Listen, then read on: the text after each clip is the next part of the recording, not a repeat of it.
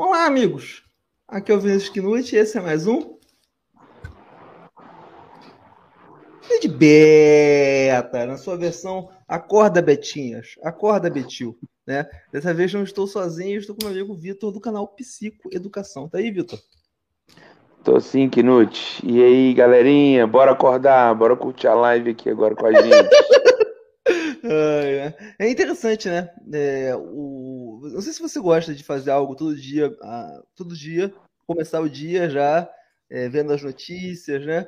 Fazendo algo, né? É interessante, né? Você ter esse contato, né? Logo ao acordar, né? É interessante. E é um horário que, se a gente for olhar, uma parte dos canais não, não produz conteúdo nessa hora, porque tá todo mundo dormindo, né? Então, é, pouco a pouco a gente vai se consolidando. Amanhã faz. O Vida de Beta já começa a fazer parte da manhã do Beta, né? A pessoa já começa a falar, pô, já acordar, já. Caramba, já tá lá o, o, o Vida de Beta, né? O dia começou. É. O Vida de Beta já tá. Geral, geralmente nesse horário tá rolando né, os Bom Dia Brasil, ou então o plantão ali, o Jornal da Manhã, da Jovem Pan, ou até demais canais né, de jornalismo, estão cortando alto. Geralmente de manhãzinha assim começa com jornalismo mesmo e, e, e, jornalismo local. Agora a gente também pode se consolidar como uma fonte inesgotável pela manhã, né? E também é, benquista, né? Benquista, porque aqui a público gente não qualificado. faz tabloide, público qualificado, né? E, e, e, com os nossos devidos haters, que tem que ter hater, né? Que a gente tem que não, ter. Mas assim, é tipo, é porque, enfim, Vou começar falando sobre algo, né? Vou, vou, começar a falar sobre algo que foi sobre a live que a gente fez ontem, né? É, eu, já, eu, já, eu, inclusive, tá? Eu, durante muito tempo, eu pensei em trazer o Paulo Roberto Almeida, tá? Porque ele é um cara muito acessível, é um cara muito simpático, né? Todas as vezes que eu, eu já conheço ele há muitos anos, né? Desde aquela debate com o Olavo, eu acompanho. Já tinha, inclusive, lido o, o, o, o blog dele, né? o Diplomatizando, né? Para mim, é, meio que é, eu, eu, já conheço todas as ideias dele, sabe? Tipo assim, depois de ver tipo assim, uma série de textos dele, ver uma série de, de, de vídeos, deu para entender mais ou menos como funciona a cabeça dele, entendeu? Então eu não tenho. Mas por incrível que pareça, na entrevista que a gente fez com ele, ele pôde é, mostrar um lado que eu não sabia dele, até positivo, né? Mas o grande problema do, do, do, do professor Paulo é que ele é hermético. E eu identifiquei isso. Não sei se você vai ele fala, ele tem, ele não é arrogante, né? Não tem que ter um profissional, né? Uhum. Mas ele tem uma certa dificuldade, né? Aí eu falei assim, chama o Paulo Roberto Almeida. Aí eu falei assim, ele tem uma certa dificuldade de, e quando ele começa a falar, ele engrena e ele fala coisas que é, eu mesmo, eu levei em consideração, eu falei assim, cara, ele tá aquém da minha capacidade cognitiva, então esse cara tem muito mais conhecimento que eu. Com certeza pois foi é. o participante do, do, do Gado Cash, tava mais distante. E eu falei para você, cara, nós não temos capacidade para conversar com ele. Nós temos capacidade para escutar o que ele fala, talvez entender. Talvez entender. Foi o que eu falei para você é, antes da live. Foi o que eu falei e de fato foi exatamente isso. Nós não temos nada Sim. a agregar para um cara que já leu uma, muros e muros de livros. Né? Inclusive, olha só, tinha muita gente que escutou o podcast, e não é para minha surpresa, né? a gente sabe, né? Mas, tipo assim, o cara não só é diplomata, que é o concurso mais difícil do Brasil, que é o concurso do Rio Branco, né? Como o cara é, é. professor do Instituto do Rio Branco. Quando você passa, você vai receber a aula do Roberto Almeida. O professor da MBMEC, da, da Unicub, provavelmente o, o, o, diplomata mais gabaritado do Brasil. Nós trouxemos o cara mais gabaritado do Brasil para falar sobre um tema. E o nosso público falou assim: não, velocidade, esse cara não sabe porra nenhuma de diplomacia, quem sabe sou eu. Então, cara, é, é, isso aí. Isso aí, eu vi muito isso. É, infelizmente, cara. E ainda tinha gente que falou assim: não, deixa eu entrar na live aí pra debater com esse cara. Olha a petulância, né? Um porra nenhuma, um, um cara que não é nada, que anda debater com, com o coitado do, do, do senhor, que tava prestando o tempo dele para vir conversar com a gente, né? Na humildade total. E, evidentemente, amigos, ele vai ter ideias que são você concorda ou ideias que você não concorda. A diferença é que ele trabalha com isso. Essa é a área de, de, de, que ele estuda, é a que ele se debruça. Ele não é um, um achista, um achólogo, né? um cara que fala o que as pessoas querem ouvir. Né? Ele é um especialista da área. E esse é o grande problema. Naquele debate ali com o Olavo de Carvalho e o, e o Paulo, né? o Paulo ele fala para os diplomatas, enquanto que o Olavo de Carvalho fala para os outros. Entende? Fala para os idiotas. massa amorfa, né? É, fala para pessoas que não se conhecem o tema. Então aí você vê a genialidade do Olavo de Carvalho. Ele consegue pegar um tema que é um tema é, simplifica Específico. e faz com que todo mundo. Sim, é. ele simplifica e faz com que todo mundo acredite. Porque a verdade é que diplomacia é uma coisa tão difícil, tão complicada, com série de complexidades, que para uma pessoa que é, que é leiga, né, é praticamente impossível e inútil você se esmiuçar, se debruçar sobre todos os membros. Muito mais fácil você chegar para assim, não, tem o bloco comunista, os comunistas, os globalistas, os, os islâmicos, coitados, né? É, e aí, cara, é, para a pessoa que trabalha com isso, você entenda o lado do, do, do, do Paulo, né? Você trabalha com isso, você se fode, você, você, você passa no concurso, você é diplomata numa série de países, você conhece o mundo inteiro, né? Para chegar um belo dia, você cai numa arapuca, né? Você entra numa, lá no Brasil Paralelo e eles colocam você num debate com uma pessoa que você não sabia que você ia debater. E detalhe, aí você vai lá da sua, sua, sua visão, né? Esse negócio de globalismo é uma loucura, né? Só que aí o que aconteceu? E, aí, e não ficou claro no, na, no, na conversa que a gente teve ontem, estou explicando para você. Desde aquele dia, se não me engano foi 2017, até hoje, o Paulo vem recebendo reiterismos pesados, palavrões, xingamentos, uma perseguição fodida, né? Por causa daquela porra daquele debate do qual ele deve, pelo amor de Deus, já se arrependeu de ter feito. Não tem, não tem que conversar com, com Lava de Cavalho sendo você. É igual, por exemplo, eu sou um, um, um biologista, então vamos falar sobre a origem das espécies. Um, um mendigo, um cara que não é da área. E aí todo mundo fala: não, esse cara, esse biologia, esse cara, professor em biologia, pega de biologia, não sabe porra nenhuma. Quem sabe é o mendigo. Então, cara, isso ofende a pessoa. E detalhe, imaginem que depois desse debate, o, o, o, os fanáticos do Mindinho comecem a perseguir o cara durante anos, xingando o cara, indo, falando mal dele, né? É, e aí, não sei se você sabe, né? Ele, ele, quando chegou o governo Bolsonaro, ele tinha uma posição lá no Itamaraty, e por causa dos comentários dele, né? Isso logo nos primeiros meses de governo, ele foi perseguido pelo governo Bolsonaro, né? E uma coisa que eu acho interessante, que a gente não comentou, né? É que o Ernesto Araújo, é, é, uma, entre aspas, esse merda, né? Ele é um pouco a responsabilidade do Paulo, né? Porque o Paulo ele tinha uma revista lá do Itamaraty, né? Eu não contei, ele não contou essa história, até porque se fosse contar essa história, ele ia ficar até hoje conversando, né? As coisas objetivas. Ele, né? deu, ele deu algumas introduções, né? igual, por exemplo, aquele momento que ele falou que, que o Ernesto ficou no armário por quase 30 anos, né? Porque o Itamaraty sempre foi um ambiente de progressistas, mas em termos ideológicos neutro. E ele, enquanto não era, nem imaginava que ia ser governo Bolsonaro, que ia ter essa coisa ideológica tão carregada, né, ele não precisava, ele não precisava ficar, né? Eu achei bastante interessante aquele ponto que ele falou que o Ernesto ficou mais de 30 anos dentro do armário. Não, mas é... deixa eu explicar para vocês. O, Ernesto, o Paulo, ele durante a juventude dele, ele foi de esquerda, né? De esquerda. E até que ele ainda no Itamaraty, ele passou no Itamaraty como um cara de esquerda, só que depois dele ler, né, dele produzir, de procurar o conhecimento, né, o que aconteceu? Ele se transformou no liberal. E a maior parte da obra dele é atacando o que? O cepalismo, o dirigismo, né, o intervencionismo, a heterodoxia, né? Então, ou seja, a maior parte da, da, da obra dele é atacando o quê? Essa, essas, essas correntes, né? É, desenvolvimentistas, né, que querem isolar o Brasil do mundo, que partiam da esquerda. Então, a maior, a maior parte da obra do, do, do, Paulo é atacando a esquerda, né? Só que aí você vê, né? Você está atacando toda a esquerda. Não, porque a esquerda quer isolar o Brasil do mundo, com esse negócio de, de tarifa, de protecionismo, né? E é, o discurso dele é que o Brasil uhum. tem que se integrar às nações, porque é um diplomata, né? E aí, é. de, de repente, né? Quando finalmente a direita ganha, vem um discurso ainda mais isolacionista que o da esquerda, né? E aí o cara, tipo assim, a ponto que eu conversei para ele, eu conversei com o cara, né? Falei assim, é, eu, eu, perguntei para ele, Paulo, é, professor Paulo, é, quem que é pior, o, o, Lula ou o Bolsonaro? Aí ele, ele falou, aí foi bastante claro, né? Vocês viram, né? Quem, quem destruiu a diplomacia, na, na, questão da diplomacia, né? Só um deles destruiu a democracia brasileira. O Brasil era bem quisto, cara, na diplomacia. O Brasil tinha um negócio chamado soft power, não sei se você conhece. Quando você não tem o hard power, a capacidade de ameaçar, de se impor pela força, você tem que é, se impor pela simpatia, pela agradabilidade. E o Brasil sempre teve isso. Né? O país, do, era conhecido né, como o país do futebol, país da tolerância, país da mistura de todas as cores, né? um país aberto. E aí, o, até, até então, né, a imagem do Brasil ficou muito desgastada. Basta você ver pessoas que moram fora do Brasil que elas contam pra gente, né? É, mas enfim, o, eu sabia que o nosso público é, rechaçaria ele, mas eu vou falar assim, por que, que eu não queria trazer ele, sinceramente. Sabe por que, que eu não queria trazer ele? Primeiro, hum. eu queria muito conversar com ele. tipo assim, é, um maior privilégio que você tem com produto de conteúdo é conseguir ter a oportunidade de conversar com as pessoas com as quais você admira, tá? Mas sabe por que eu não queria trazer ele? Sabendo o que ele tinha sofrido na mão lá do, do daqueles filhos da puta Lavete, né? Que perseguem ele até hoje. Assim, porra, esse cara é um cara do bem, um cara humilde, né? Um cara culto, o maior, nome da área que ele falou assim. Ele não merece vir aqui no meu podcast pra ouvir xingo de filho da puta, cara que não sabe porra nenhuma, é. né? Pra depois me perseguir ele, né? Ele não merece isso, sabe? Ele não merece isso. Tipo assim, eu não quero fazer. Então, quantas pessoas eu deixei de chamar no, no Gadocast porque assim, não, é, o público vai ostracizar a pessoa, a pessoa não merece isso, sabe?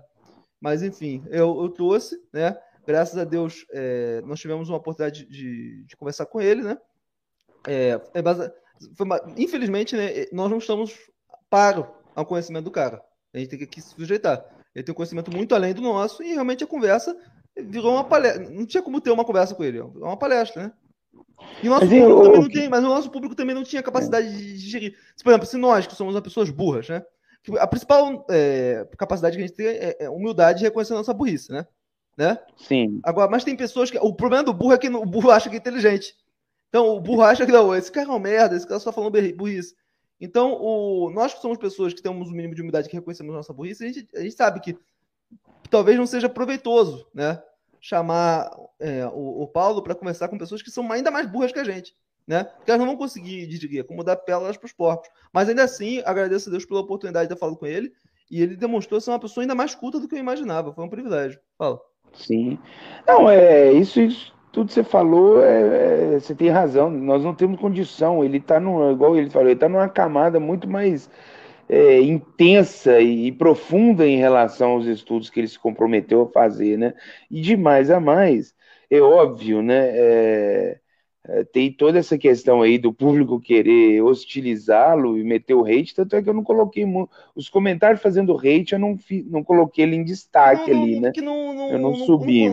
Não, não, precisa acrescentar, igual com o jogo Shop, não vai acrescentar absolutamente nada. Porque, é. tipo assim, é um debate inútil. Porque você não vai mudar a realidade, você não vai mudar a opinião do cara. Ele não vai, ele, tipo assim, nada que ele vai falar vai mudar a sua opinião. Pra que fazer um debate com uma pessoa civilizada, né? É, é. Enfim. Aí, não, só, só comentando, né, quando você falou daquela parte lá que a gente não tem condição de conversar com ele, mas é por causa que assim, ele ele respondia, mas ele respondia fazendo ganchos com outras coisas e fazendo ganchos de modo que. Sim. Sim, perdemos o gol do Careca. Perdemos o gol do Careca. Mas enfim. O... Mas ainda assim foi uma, uma boa oportunidade, né? Tá aí, tá aí, Vitor. Pode continuar. Perdemos o Vitor? Perdemos o Vitor. Mas enfim, acho que foi uma, uma excelente oportunidade, né? Pra gente. Pra gente Voltei. É, voltou, voltou, pode falar. Pois é, é, é aquela coisa. As perguntas que a gente fazia para ele, na hora que ele deu a resposta inicial, né, antes de fazer os ganchos, que eu não sei se eu tinha caído, a resposta dele era aquela coisa, né? Era sempre uma explanação, porque ele sempre fazia links com aquilo que ele terminava de pontuar. Mas a primeira frase, a primeira sentença que ele dá quando a gente pergunta para ele era algo que eu conseguia compreender. Mas aí, quando ele começava a fazer os ganchos, eu, eu via que ele estava só descendo a escadaria, só descendo a escadaria. Eu falei: não, o cara é foda mesmo. Aí diante vai servir para registro aqui, entrar nos anais da casa, com muito orgulho, obviamente mas é, eu tenho que ter muito mais noção da, da, da ideia da né? diplomacia né? para entender, exatamente. Tanto é, é ótimo, quando, quando ótimo. eu chamei ele para conversar, ele falou assim: qual é o nome do seu canal? H do Cast. Ele falou assim: é, você poderia, por favor, ler pelo menos um livro meu para basear a conversa? Que ele não queria conversar com a pessoa completamente incauta. Esse é um, um, problema que às vezes a pessoa tem, né?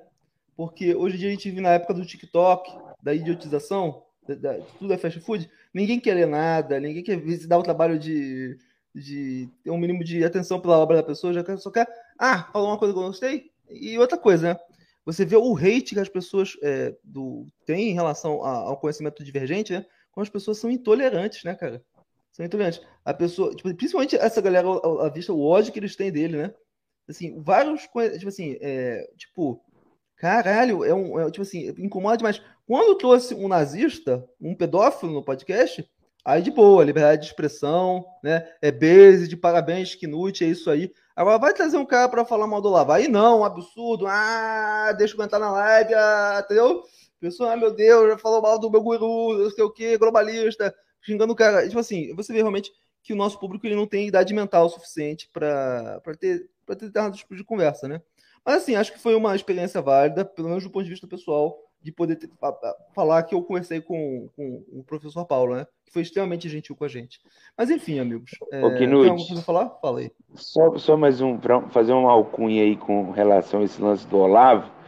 É, o principal ensinamento que o Olavo deu para a galera deles, e parece que esse é o único que pegou, é o do hate enquanto método. Ele falava assim: não, você não tem que destruir a ideia do seu inimigo, você tem que destruir o seu inimigo. Você não Entendeu? tem que ter amigo de esquerda. Você não tem que tipo assim. É... Você não tem que ter amigo de esquerda, não tem que reconhecer uma fonte de esquerda. Você não pode ler o que o esquerdista lê. É como se fosse uma seita mesmo, né? isolamento social, modelo Byte mesmo, né? Behavior, é, é, emotion, thought, control, é, né? Exatamente. O, o, a ideia que ele tem da, da, da, da, presença da esquerda na democracia é uma ideia completamente autoritária. Ele, ele não se permite. Intolerante, né? Intolerante. Intolerante. Exatamente. Não, tipo então... assim, é, é, você não sei se você reparou, isso é um comportamento de Olavete, por exemplo. Outro dia eu estava conversando com uma pessoa, aí tinha lá uma pessoa cara de esquerda não concordo com a pessoa, mas fiquei na minha, né? Não vou ficar ofendido, né? O comunista, o olavista, não. Você está conversando com um cara que é, que é petista? Você é conversando com um cara que é comunista? Né?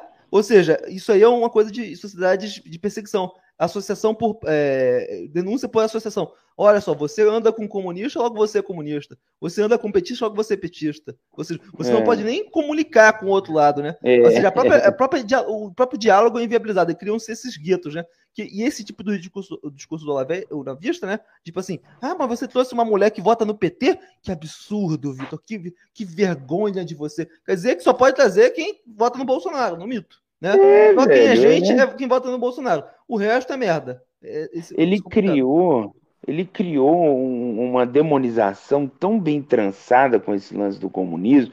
Ele colocou o comunismo como se fosse o maior flagelo da humanidade, né? Ou seja, nunca, a gente nunca é viu uma sociedade comunista. O problema é o que é comunismo, né? Qualquer coisa vira comunismo. Basta não concordar com é. você é comunista. Dos mesmos criadores, de todo mundo que discorda de mim é nazista, todo mundo que discorda de mim é comunista, né? E aí, Exatamente. você pessoas, chamar de globalista, né? É, e engraçado, né? É, eu vi nos comentários várias pessoas falando, não, esse cara dá, é, ama o PT, né? É um petista. Cara, durante toda a vida do cara, o cara fez oposição à, à esquerda, né? E aí, o, pra chegar, né? E um presidente de merda, o cara não pode discordar do presidente de merda, senão ele é comunista, né? Cara, é realmente o um nível intelectual da nossa nação. É, é por isso que você vê, né, cara? A economia tá mal, mas o principal problema do Brasil não é nem econômico. Você vê que o Brasil está sofrendo um problema cognitivo moral, né, cara? Sim. Tá todo mundo achando, velho. É, isso aí tem muito a ver com essa questão da ditadura da opinião também, mas, né? Mas, mas olha só, o, o Marlon fez uma, uma, uma questão interessante que talvez, olha só, tem uma diferença de percepção.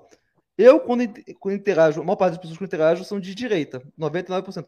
Mas quando eu interajo com alguém de esquerda, geralmente com decoro, né? A maior parte das pessoas que me ameaçou de morte, nenhuma delas é de esquerda, não né? Pessoas geralmente, quando vão falar comigo de esquerda, é um debate sadio. Eles falam o, o pensamento dele, eu falo o meu, ele discorda e beleza, de boa, né? Agora, o problema é o que, que você fala com o cara de esquerda. Por exemplo, eu respeito o cara de esquerda. Então ele geralmente vai me respeitar. Agora, se você chega pro cara de esquerda e fala assim, ah, tem que te matar, né? Igual o Bolsonaro fala, vamos, vamos, vamos expulsar vocês do Brasil, vamos matar vocês. Óbvio que isso aí vai fazer o cara ficar belicoso. Quando você valida esse tipo de discurso da extinção do outro, é óbvio que o cara vai, vai ser belicista com você. Agora, se você vier conversar com gente, como gente com a pessoa, a pessoa vai, tende a tratar com gente, porque ninguém gosta de falar, tratar os outros como um animal. Agora tem um elemento, é, né? Tipo assim, quando eu vou falar com um cara de esquerda, você vê que eu, eu não odeio preto, eu não odeio gay, eu não odeio mulher, né? Então eu tenho uma opinião social. Chega lá o bolsonarista e fala assim: não, é normal falar que trans é doença, que não existe gay, que isso aí é falta de, de porrada, é, mulher tem que ser tem que ser inferior mesmo, e, e, preto é tudo mimimi, esse negócio de preto. E aí depois vocês querem reclamar que vocês é, são antagonizados, né? Se você, se você tem um discurso antissocial, você vai receber antagonismo. Se você tem um, um cara de direita, como eu, que tem um discurso social, por que, que o cara ia querer me ofender? Por que, que o cara vai querer me, me chamar de fascista, uma vez que eu não tenho nenhum tipo de traço desse, né? Então é aquele negócio: quem é que está sendo intolerante com quem, né? Eu sou um cara tolerante e eu recebo tolerância por parte da esquerda. Discordo deles, mas não vejo. Agora, a, a, a direita, ou lavista, não. Ou você está com a gente, ou você está do lado deles. É comunismo, é voto Lulo, é, tipo assim, desce de cima do muro, o muro é do PT, né? Eles têm, esse, eles têm um pensamento muito dicotômico, entendeu? Não trabalha com nuance. É como se eles estivessem trabalhando apenas com o sistema límbico do cérebro. Tudo para eles já é golpe, tudo para eles é ameaça, é, é, é, é, como é perigo essencial. Por quê? Porque os grandes manipuladores narcisistas eles trabalham exatamente com isso, com o exagero, para trabalhar com o sistema límbico do cérebro. Quanto menos a pessoa usa o córtex neofrontal para avaliar uma coisa, né? mais ela é facilmente é, manipulada, né? Então é muito fácil você manipular uma coisa, pessoa no sentido, é nós contra eles, né? É uma luta do bem contra o mal, né? Que é exatamente assim que você é manipulado, né? Só que o grande problema é que às vezes você concorda com a pessoa, aí você tá dentro, aí já é. É. No, na esquerda, igual o, o, o, menino falou aí, que tem muito desse comportamento na esquerda, eu concordo, eu lembro muito bem da época do ah, nazista, fascista, ou seja, aquelas adjetivações, né? Tudo nasceu da esquerda mesmo, mas nasci e morri aí, cara. Por mais que você se incomoda com o fascismo, né? Ah, fascista, não sei o quê. É uma leitura, uma descrição. É lógico que o nazismo é ali a Lady Godwin, né? Que a galera apela mesmo, né? Mas o, o, o quando você prega algo que é, é totalitário, a alcunha é essa mesmo, é fascista, sacou? E o bolsonarismo acaba sendo isso. Então não, não, tem muito, né? Mas nasce e morre aí. Né? O, o, o, esquerdista mais radical que eu já debati, né, que, que, que tem classe, o máximo que foi é, de de hostilidade foi falar que eu sou ignorante, que eu sou burro, saca? Tipo é, isso. Como li, uma vez eu discuti com, com um marxista e falou assim, com todo respeito, você não sabe do que você está falando. De fato, mais, mais tarde sabia é. que realmente não estava falando. Porque eles leem pra caralho essas merdas, começam a problematizar tudo, Sim. aí fica impossível conversar com o marxista. Mas o, o Marlon Moraes fez aqui um comentário, muito obrigado pela sua elucidação, amigo. Ele falou assim: já fui chamado de homofóbico por não pegar um panfleto pro Dilma já foi ameaçado por falar que não votaria no PT. Aí, exatamente, o, esse comportamento aí é o nível de radicalismo que a gente critica na, na direita, também existe na, na esquerda, né? Um, um, um, radicalismo fomenta o outro, né? Um radicalismo Sim. fomenta o outro, né? Mas assim, é, eu nunca vi alguém de esquerda durante toda a minha vida. Eu, eu pegava pesado com, com, com comunistas, entendeu? Eu xingava, eu falava caralho, eu mandava pra puta que pariu. Mas assim, eu sempre fui um cara escroto com esquerdista. Óbvio, eu não sou mais. Sabe por quê que eu parei de ser escroto com esquerdista? Eu comecei a ver que a mesma falta de educação que eu usava com esquerdista é a mesma falta de educação que hoje os, os olavetes bolsonaristas usam comigo. Entendeu? Então eu não quero fazer com os outros aquilo que fazem comigo. Hoje eu sei, hoje eu sou alvo desse tipo de, de, de ódio. Mas uma coisa que eu reparei é o seguinte: eu nunca vi um esquerdista, por mais ridículo, por mais abjeta que seja a ideologia de esquerda, é, prejudicial para a economia, para os direitos humanos para a vida em, em, sociedade. Eu nunca vi um deles falar assim, não, tem que fechar o Congresso, tem que fechar o STF e que tem que mandar a gente. Eles, pelo menos, eles têm a democracia como um valor. Enquanto isso, a direita cada vez mais, esse negócio de democracia é negócio de globalista, de judeu, né? de Illuminati, né? tem que ser é, monarquia absolutista ou, ou ditadura, intervenção. Então você vê claramente que eu, pelo menos, você já viu algum esquerdista defender golpe defender golpe no Brasil, fechar o STF. Nem na época da Dilma eu vi. Agora, o bolsonarismo, todo dia a gente vê alguém falando assim: tem que fechar o STF, tem que fechar o Congresso. Eu tenho tocado muito nesse assunto, Knut, por causa que, né, minha ideia de querer orientar mesmo. Você já reparou que todo antipetista que quer justificar uma senha golpista no PT, eles falam de visões de mundo que eles não concordam? Tipo assim, ah, essa visão de mundo aí de vocês querer implantar conselhos populares, normatizar isso em relação à CUT e tal, etc. Olha, isso é, é ruim, eu concordo com isso? Não. Mas se houvesse um, uma inserção desse tipo de política pública colocada pelas vias democráticas, o que eu tenho que fazer é aceitar que dói menos, porque foi inserido da forma mais legítima que o Ocidente entendeu de ser a forma como a política deve acontecer. Né, as regras democráticas, a forma, né, a ocupação de espaço, o entrismo mesmo lá que o, que o Paulo Alberto estava comentando na live. E aí eles têm um tal de falar que eu tô louco, que o Lula não é um, um, uma pessoa que respeita aí a, democracia por causa disso. Ah, eles querem regular a mídia. Meu amigo, isso é uma visão de mundo, cara. Eu não concordo com ela. Mas chegar e falar que isso é a prova cabal de que o Lula não é um democrata, se ele, e no caso, se ele conseguisse isso, porque ele, ele fala isso desde a década de 80, entendeu? Agora, se ele conseguisse isso, seria pelas vias democráticas. Se a coisa não está regulada do jeito que ele quer até hoje, é porque a própria força da democracia assim o impediu.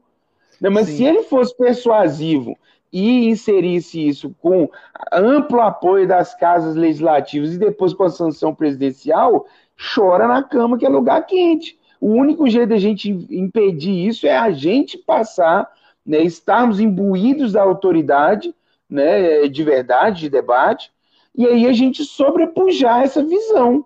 Essa é a única forma, cara. Essa é a única forma, não tem outra forma. Mas só, só, só para finalizar, o radicalismo do Bolsonaro de, de, de, defender tortura, né? de defender exterminar PT, ele vai, essa retórica faz com que a esquerda também fique mais radical e o bolsonarismo ele se vê é, é, isso como uma vantagem, porque para ele, quanto mais polarizada, quanto mais divisível ser a sociedade, mais ele ganha com isso. Quanto menos moderado for o discurso, melhor para o Bolsonaro, melhor, melhor, melhor para os populistas, né? Mas enfim, amigos, hoje a gente vai falar sobre algo, né? Também na esteira dessa falência moral que existe no Brasil, né? Mulher flagrada com bindingo quebra o silêncio, usada como objeto de prazer.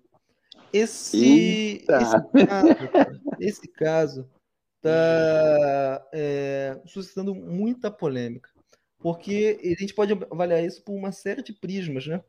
O primeiro prisma é o prisma da mulher que trai, né? Desde a época lá da Capitu, né? Você sempre tem essa questão, né? O homem é normal trair. Agora, a mulher que trai é o assunto, né? A mulher que trai é, meu Deus, é o escândalo, né? O homem trair é normal, né? Inclusive, algo na natureza. Inclusive, durante toda a sociedade, amigos, o, a mulher trair é um absurdo, né?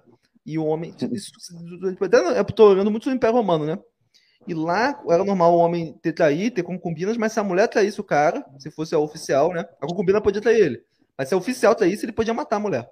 Inclusive, já veio gente aqui no podcast falar que se acontecesse com ele, ele matava a mulher também, né? Óbvio que isso é um absurdo, tá? A gente não vive nesse grau de incivilização.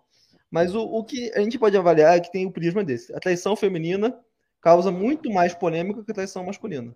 Ponto final. Tá? Tanto é que você vê aí quem venceu o Big Brother, né? Um cara que tem uma mulher 35 vezes e o Brasil não vê problema nenhum. Muito pelo contrário, né? O Brasil gosta de homem que tem uma mulher. Cachorrão, é. putão, né? Picão, né? Então, o, o, o, outro elemento que a gente tem que falar é a questão do mendigo, né? Geralmente a gente vive numa sociedade tão materialista, tão hedonista, que para você ter. E olha só, a, a, o que a gente vê geralmente, né?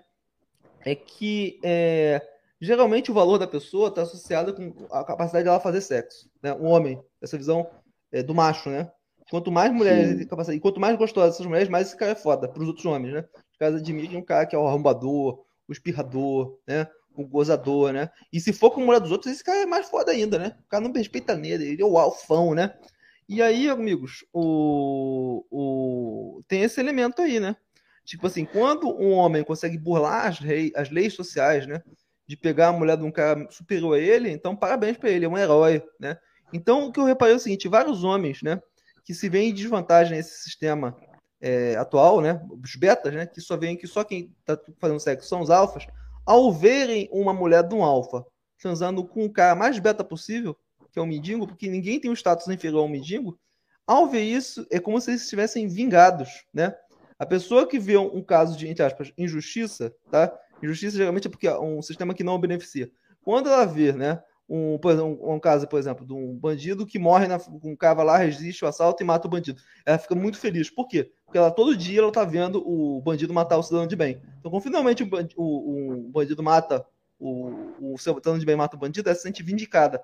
Esse sentimento tomou conta das pessoas ao ver o caso do mendigo. Né? Eles que são vítimas da alta hipergamia das mulheres, ao verem um cara que é mendigo como é uma mulher gostosa, ainda mais a mulher de outro cara, eles, eles se sentiram representados. Eles gostariam de ser aquele mendigo. Né? Eles gostariam. Aquilo ali aumentou a identidade deles. Né? Mas enfim, o, o que a gente percebe, né, cara? é que esse, esse caso também ganhou outros contornos, né? Os contornos legais, né? Porque uma vez, ao chegar lá, o cara viu a mulher dele num, num, num, num carro com cara. Eu, aqui eu vou ser bastante franco. Talvez no lugar dele, né? Eu teria também feito a mesma coisa. É errado você agredir pessoas, né?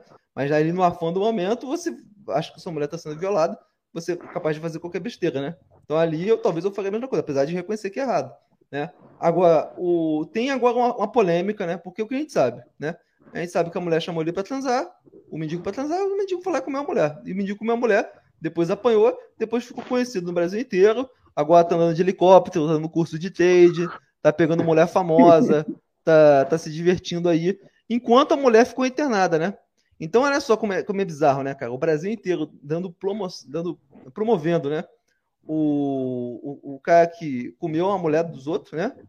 Enquanto a mulher tá lá internada. E o cara falando que não consegue mais arrumar emprego, ou seja, uma família destruída, né? E os caras endeusando, né?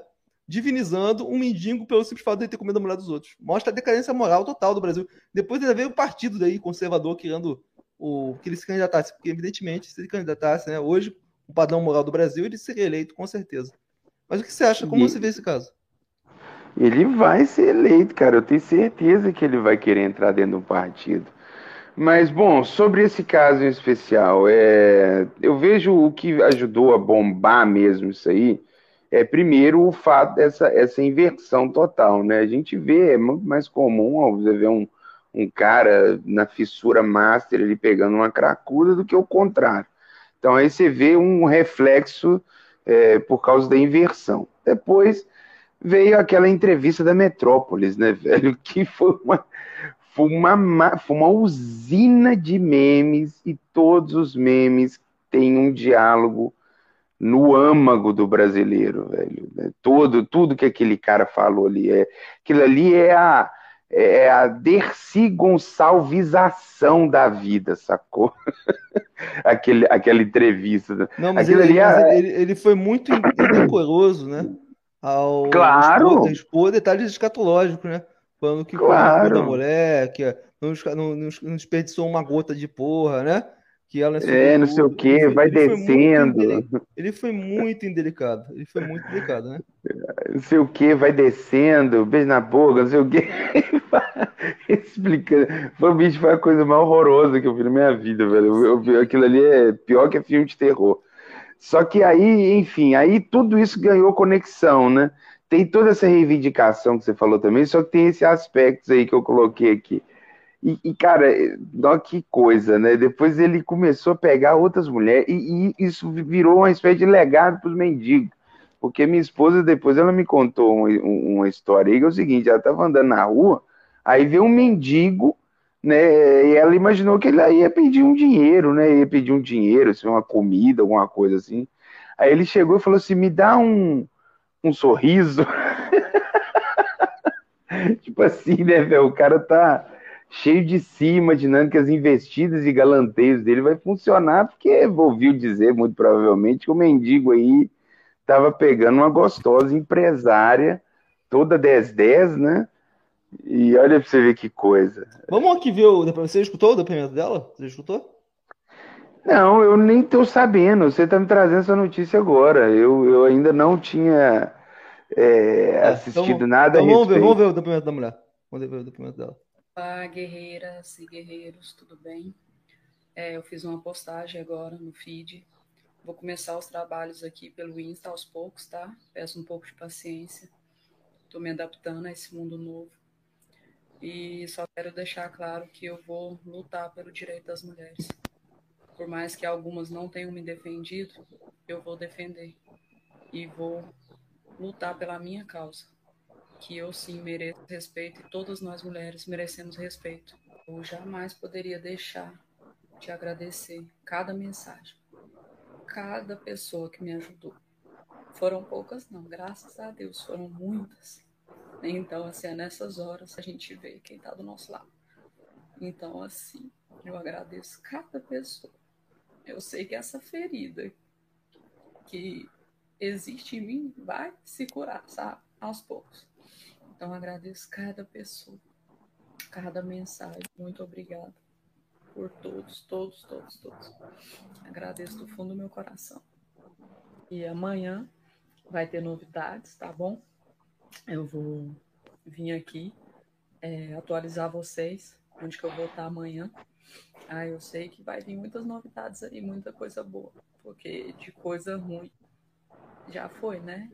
né?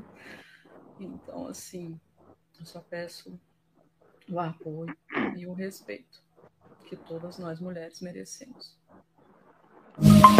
Então, o, o que, que você achou do depoimento da mulher, Vitor? É, bom, parece que ela está bastante abalada ainda, né? Teve alguns acessos ali, ela se emocionou bastante. É, tá, abraçou aí, né, essa coisa da defesa das mulheres, né, pelo que eu notei, que é legítimo, obviamente, a mulher, ela, ela acaba sendo, e muitas das vezes, vitimada, vitimada até pelo próprio Estado, né, que acaba comprando muito barulho de, de, dessa galera aí, do, aquela cultura, né, do, ah, mas você tava de shortinho e tal, isso aí realmente é muito... É ruim do ponto de vista da mulher, né, das vivências dela, isso é traumático. Então é uma causa legítima, obviamente. Agora eu não sei, é, o que, que seriam essas novidades aí que ela vai trazer? O que eu não, queria eu, eu, saber. Eu tenho uma, eu tenho uma forte o que acontece? Minha, minha opinião, tá? Minha opinião aqui para vocês, tá? O que acontece foi o seguinte: o cara não tá conseguindo mais trabalhar, o marido dela, né? Então eles estão vendo que o mendigo tá lá capitalizando, o mendigo já tá milionário, né? O mendigo tá indo, fazendo acontecendo e eles se fuderam, né? Tipo assim, a, a opinião pública ficou contra eles, né? É, então, o que, que eles. Na minha visão, o que vai acontecer é o seguinte: na falta de, um, de uma continuidade de poder seguir com a vida normal, que não tem mais como seguir vida normal, acabou a vida normal, então o que sobrou para ela e para eles, né? É entrar no personagem, né? E tentar monetizar em relação a esse nicho, né? Agora, esse nicho do feminismo, de mulheres que são é, agredidas, falar sobre fluflo, né? Falar que é um absurdo, olha só como a sociedade é machista, e começar a fazer conteúdo, né? Assim como na rede social, né? O pessoal que fala mal de mulher ganha mão de view, o pessoal que fala de, de homem, no caso, né? O pessoal que fica falando mal de homem vai ganhar mão de, de biscoito de mulher. Eu acredito que é isso que vai acontecer, na minha visão, tá? Eu acredito que isso não é genuíno, acredito que isso é um, um, um elemento mercadológico, né? Que ela resolveu se render na falta de qualquer opção e sabendo que não, tem, não adianta mais voltar, a vida não será mais a mesma. Ela resolveu é, virar influência, né? E começar a abordar esse tema aí, de falar que as mulheres são perseguidas, são estupradas, a sociedade é machista tal. É, e eu vou te falar um negócio pra vocês, cara. Levando em consideração a economia brasileira, cara, como que as pessoas estão passando nessa cidade, eu vou te falar, eu nem consigo julgar muito, sabe? Por mais que nem seja sincera essa posição, é, as pessoas estão tendo tanta dificuldade para comer, cara, para pagar as contas, cara, né?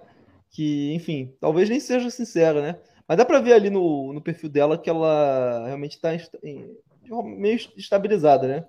Não, não tá com um semblante meio normal. E aí aquele negócio, né? Tipo assim, ah, as mulheres merecem respeito, né? E aquele negócio aí, entra aquele debate. Será que as mulheres se dão o respeito pelo lugar para depois reclamar que não estão merecendo respeito? É, um, é, um, é uma linha de, de, de, raciocínio, né? E aquele negócio, né? Se a mulher chega e fala, né? Que, que, que é estuprada, né? Eu vou pegar aqui um trecho do que ela falou, né? Pra... Vou falar aqui um trecho aqui do que ela falou aqui no, no jornal NT, tá? É, Olá, me chamo Sandra Mara Fernandes, sou mãe da Ana Laura e esposa do Eduardo. Venho através dessa postagem agradecer as pessoas que é, vieram me defender quando não tinha condições psicológicas. Passei por dias muito difíceis, Nunca me imaginei naquela situação. E eu me sinto profundamente dilacerada pelo ocorrido. Hoje tenho ciência de que tudo que foi dito enquanto eu estava internada e sendo cuidada por médicos, psicólogos, assistentes sociais, enfermeiras e outros profissionais. Ela falou do sofrimento. Fui vítima de chacotas, humilhações em rede nacional. Fui taxada como uma mulher qualquer, uma mulher promíscua, uma mulher com fetiches por mendigos, uma traidora adúltera. E é mais ofendida ainda por ter sido atacada por outras mulheres entenderam que eu merecia o pior. Eu sempre soube que vivemos uma sociedade desigual, mas eu não via, mas eu não escolhi ter um surto. eu não escolhi ter sido humilhada e eu não escolhi ter sido exposta e devastada. Então, na, na condição onde, onde estive, eu sei que tinha o direito legítimo de, de direito de ser defendida. Agradeço ao meu esposo por tudo que ele fez por mim. Ele me defendeu durante e depois do ocorrido. Pois sabe que em, em condições normais eu jamais teria permitido passar, permitido passar por aquilo, conseguido passar por aquilo. Tem dificuldade de comunicação, né? Agradeço também ao meu pai, blá, blá, blá, blá, sou profundamente não sei o que, acontecendo, já não tinha domínio da minha própria vida, né? Enfim. É... Hoje busco na justiça os meus direitos, pois nunca faltei com respeito a ninguém e não merecia ter sido tratada como uma qualquer, e principalmente ter sido usada como objeto de prazer durante delírios e alucinações que confundiram minha mente e me colocaram num contexto nojento e sórdido. Sigo batalhando um dia de cada vez para retomar minha existência e vou conseguir porque Deus é maior e infinitamente bom. Então aqui dá a entender que ela vai processar o cara por estupro. O que você acha disso, Vitor? É, pode processar, eu só não sei se vai ter causa ganha nisso aí, cara. Não tem, é, é uma coisa, uma via muito difícil, né? Depois que o, o cara era. Considera-se também que o mendigo ele não está com o juízo perfeito, né? É, e aí ele não vai conseguir captar essas nuances aí da mulher estar tá em surto. É impossível acho que qualquer advogado iria por essa linha de raciocínio. Não, mas o, o Vitor, Vitor, o ponto é o seguinte: existem duas opções aqui. Uma, de fato, ela tem um surto psicótico, que se revelou justamente naquele episódio. Nunca. A mulher conseguiu, inclusive, dirigir até o lugar. É possível que uma mulher. Aí entra aquela questão, né? É possível que uma mulher eh, descubra que ficou surtada justamente naquele dia, naquele episódio, sem que ninguém soubesse disso antes. Muita coincidência. Outra coisa, a mulher estava eh, com surto, mas ela conseguia dirigir, conseguia fazer caridade, conseguia fazer qualquer coisa, né? Ela só não conseguia domar seus instintos sexuais. Isso é possível. E outra questão é a seguinte, né? É. Na eventualidade desse, eh, de ter sido um surto de fato e o cara ter feito sexo com ela, isso pode ser considerado um estupro de vulnerável, e aí o cara, né, havendo dolo, ele pode ser responsabilizado. Mas na eventualidade dela estar tá se vitimizando, né? E aproveitando essa mídia, né, para conseguir viver do, dos rendimentos dessa atenção toda, né? Ela pode simplesmente falar que foi, foi estava fora de si, para simplesmente não se responsabilizar pelo fato de ter feito sexo com o mendigo, pela humilhação. Então, às vezes, essa é uma possibilidade da mulher ter querido fazer sexo com o cara, né? E aí fez, depois que todo mundo sabendo, depois foi pega pelo marido e fala que foi estuprada, para meio que limpar a barra dela. A pergunta que fica é: tem como saber de forma cabal se uma pessoa está, estava ou não fora de si? Se a pessoa tem ou não um surto psicótico naquele momento, Vitor? A gente pode saber, a gente vai saber o final dessa, dessa história? Cara, se ela se mostrou uma pessoa que está com apetite sexual, né, e o mendigo, muito provavelmente, ele tava com muito, né, porque eles também, né, se, né, eles não transam também, pô, é preciso reconhecer isso, né, Daí é, pode até transar, mas não, nunca numa situação daquela ali, né? Ele, não tem como ele reconhecer, cara, que a pessoa está tendo um surto, sendo que ela está, na verdade, é, retroalimentando um, possível vício que ela tem em sexo, cara. Não existe esse negócio de surto psicótico que a pessoa querer sair transando. Existe um vício, uma coisa, é, a ninfomania, né? existe uma vontade tremenda de, de, de fazer sexo, e se aquele cara ali ia fazer parte dos desejos dele, né? Porque ela fazia essas obras aí na igreja, né? Se de, amanhã ou depois ela viu o cara mijando e viu, viu o artista dele lá e foi começando a construir aquilo ali na cabeça dela, até que um dia ela chegou lá, agora é o momento ideal de garfar aquilo ali. É assim que a coisa construiu. Não tem aquela foto dela com ele, numa situação lá da igreja lá? É, pois é, então, é, por ela ser dessas pastorais, ela já tinha uma convivência com ele, né, cara? Então, é, muito, é uma via muito melindrosa, cara. O cara vai chegar, é, é, esse advogado aí que vai tentar entrar numa dessa, ele tem que ser o, o, ninja, cara. Ele tem que ser o pique das galáxias em termos de sustentação e tentar trazer uma lógica ali a favor dela.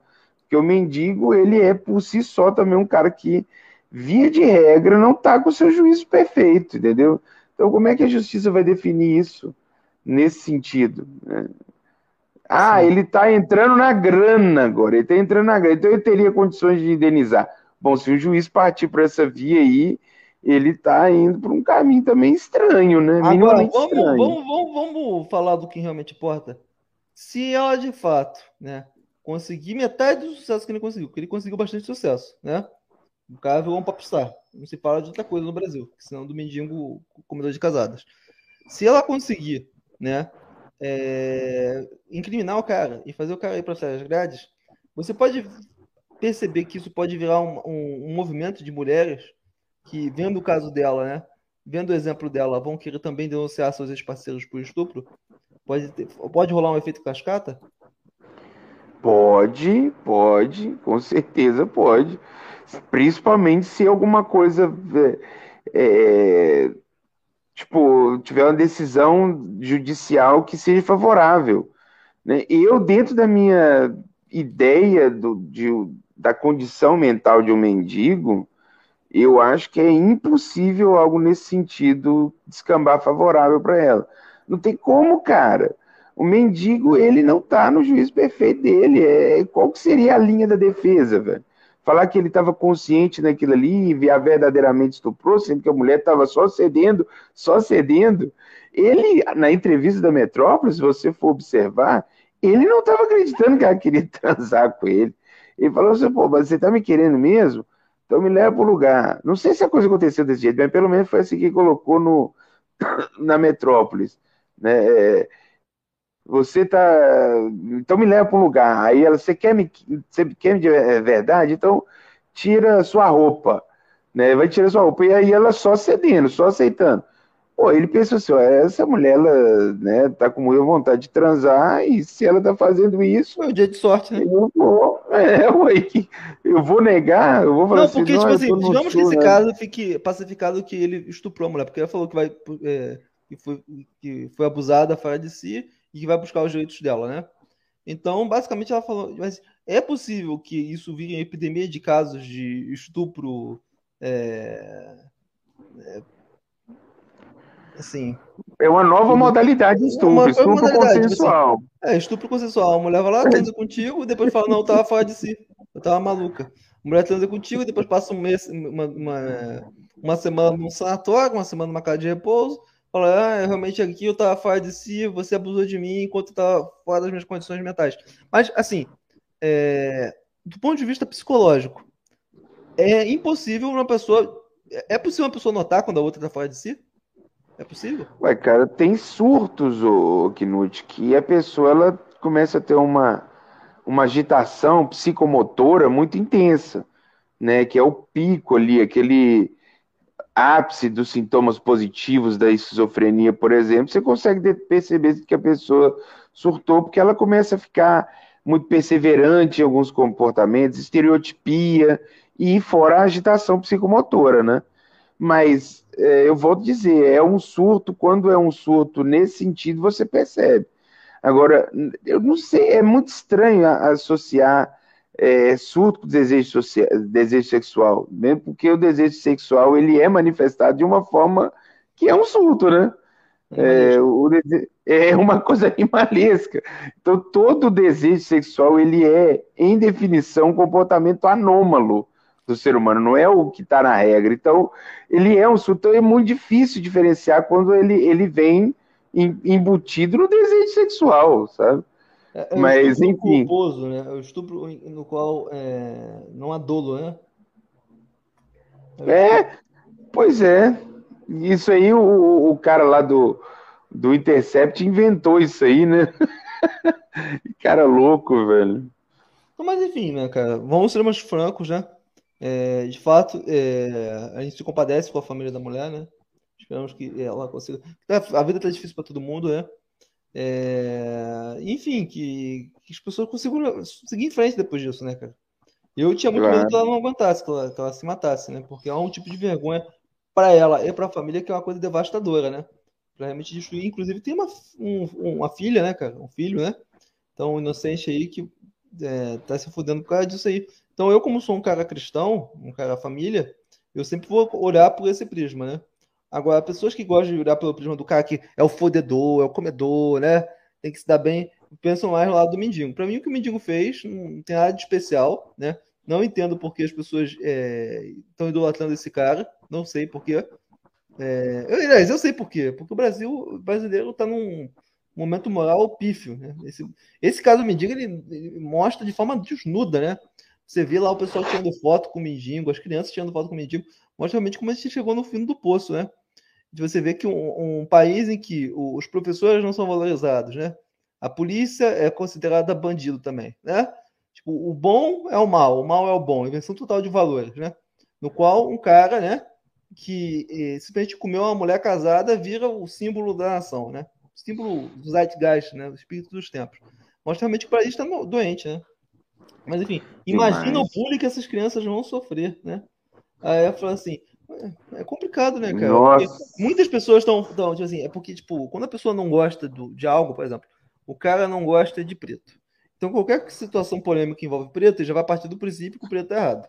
O cara não gosta de mulher. Então, qualquer situação quando essa mulher vai partir do princípio que a mulher está errada. Né? Nós, como não somos pessoas preconceituosas, né, a gente fica esperando a... as evidências, né? Sim. É? E olha que noite. Eu acho que ela deu um mole, cara, em querer aparecer. Que esse comentário do Albert aí foi nevrálgico. Imagina o bullying que essas crianças vão sofrer. Imagina que ele está se referindo, referindo aos, aos, filhos deles, né? Do casal lá. É...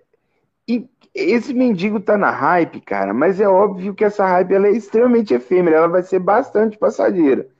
Né? Se morresse ali tudo ali no Metrópolis, a entrevista do cara, mas pelo visto a mulher agora também ela tá aparecendo e dando, abrindo uma nova camada, abrindo um novo arco da, que vai deixar esse caso muito na raiva. As apresentações, né? Se essa mulher simplesmente desaparecesse, nem falasse no Twitter no, por um bom tempo, né? É, ou o cara também, a, a raiva do mendigo ia diminuir e a coisa, sei lá, depois de alguns anos é, se tornar até viável para os filhos dela, mas sei lá, os filhos são pequenos, né?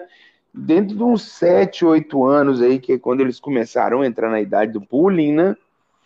É, aí espero que esse trem já tenha esfriado. Mas se ela continuar a querer fazer disso um espetáculo e ter ali agora, ah, vem uma novidade por aí e tal, pô, complicado. É complicado, né? Mas enfim, aqui a gente não tem nenhum, nada, nenhum preconceito, né? Contra nenhum dos lados, né? Esperamos que é, tipo assim, mas infelizmente eu acho que essa história tá bem longe do final. Eu acho que o que a gente vai ver nos próximos dias é essa mulher aparecendo em programa de televisão, entrevistas de canal do YouTube, né? Para falar que as mulheres são estupradas, que precisa parar com isso.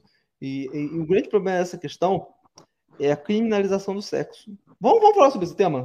Porque é muito fácil a gente chegar e falar: ô, ô, ô, ô, a mulher inventa que é estuprada. Isso, é, isso é, um, é um prisma muito babaca, todo mundo já explora a própria criminalização do sexo, né?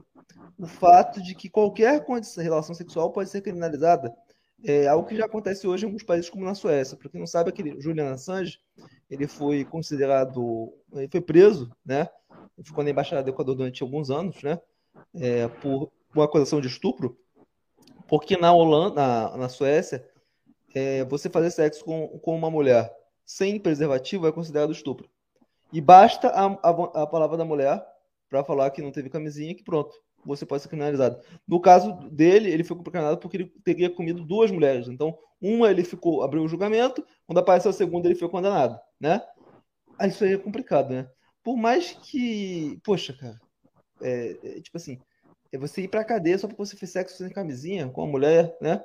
E a mulher não gostou, e a mulher resolve te, te acusar. Isso é um negócio bizarro. Hum. Eu acho engraçado, né, cara? Porque, tipo assim, imagina um país que, se não me engano, tem 7, 8 milhões de pessoas, né? Em que qualquer relação sexual pode ser criminalizada, né? E você não vê um monte de homem indo pra cadeia por causa disso, né? São prisões pontuais. Ou seja, como que isso instaura, né? Um, um, um, um negócio de medo, né? Por exemplo, eu tô aqui tratando com uma mulher, olha só, tô tratando com uma mulher. Mas basta a palavra dela para que eu possa ser preso. E aí você meio que fica na mão da mulher e a mulher meio que pode te ameaçar, ou você mesmo já entende, subentende uma certa. É, subentende que você está sendo uma posição de vantagem, né? Então, olha só, essa própria questão da lei, por mais que ela não seja colocada em prática, por mais que não tenha um grande número de homens é, que vá para a cadeia por estupro na, na Suécia, isso acaba mudando as relações entre os gêneros, né? Tipo assim, isso empodera a mulher de forma tal que o homem sueco ele vai querer ter relações com quem? Com vietnamita, com tailandesa, com mulher do Malawi. Por quê? Porque com lá ele vai poder ter uma relação de igual. é, esse tipo de questão aqui, eu vou ser bastante franco. Por mais que, é, ok, um cara que faz sexo é, de forma não consensual, um cara que coloca, a, faz qualquer atitude de forma sem o consentimento da mulher, isso pode ser problematizado, né? Cara, se você começa a mudar a, a regra do que seria um abuso, de modo a que qualquer relação pode ser um abuso, né? Você, cara, você tá realmente criando uma circunstância em que a, a própria dinâmica, né?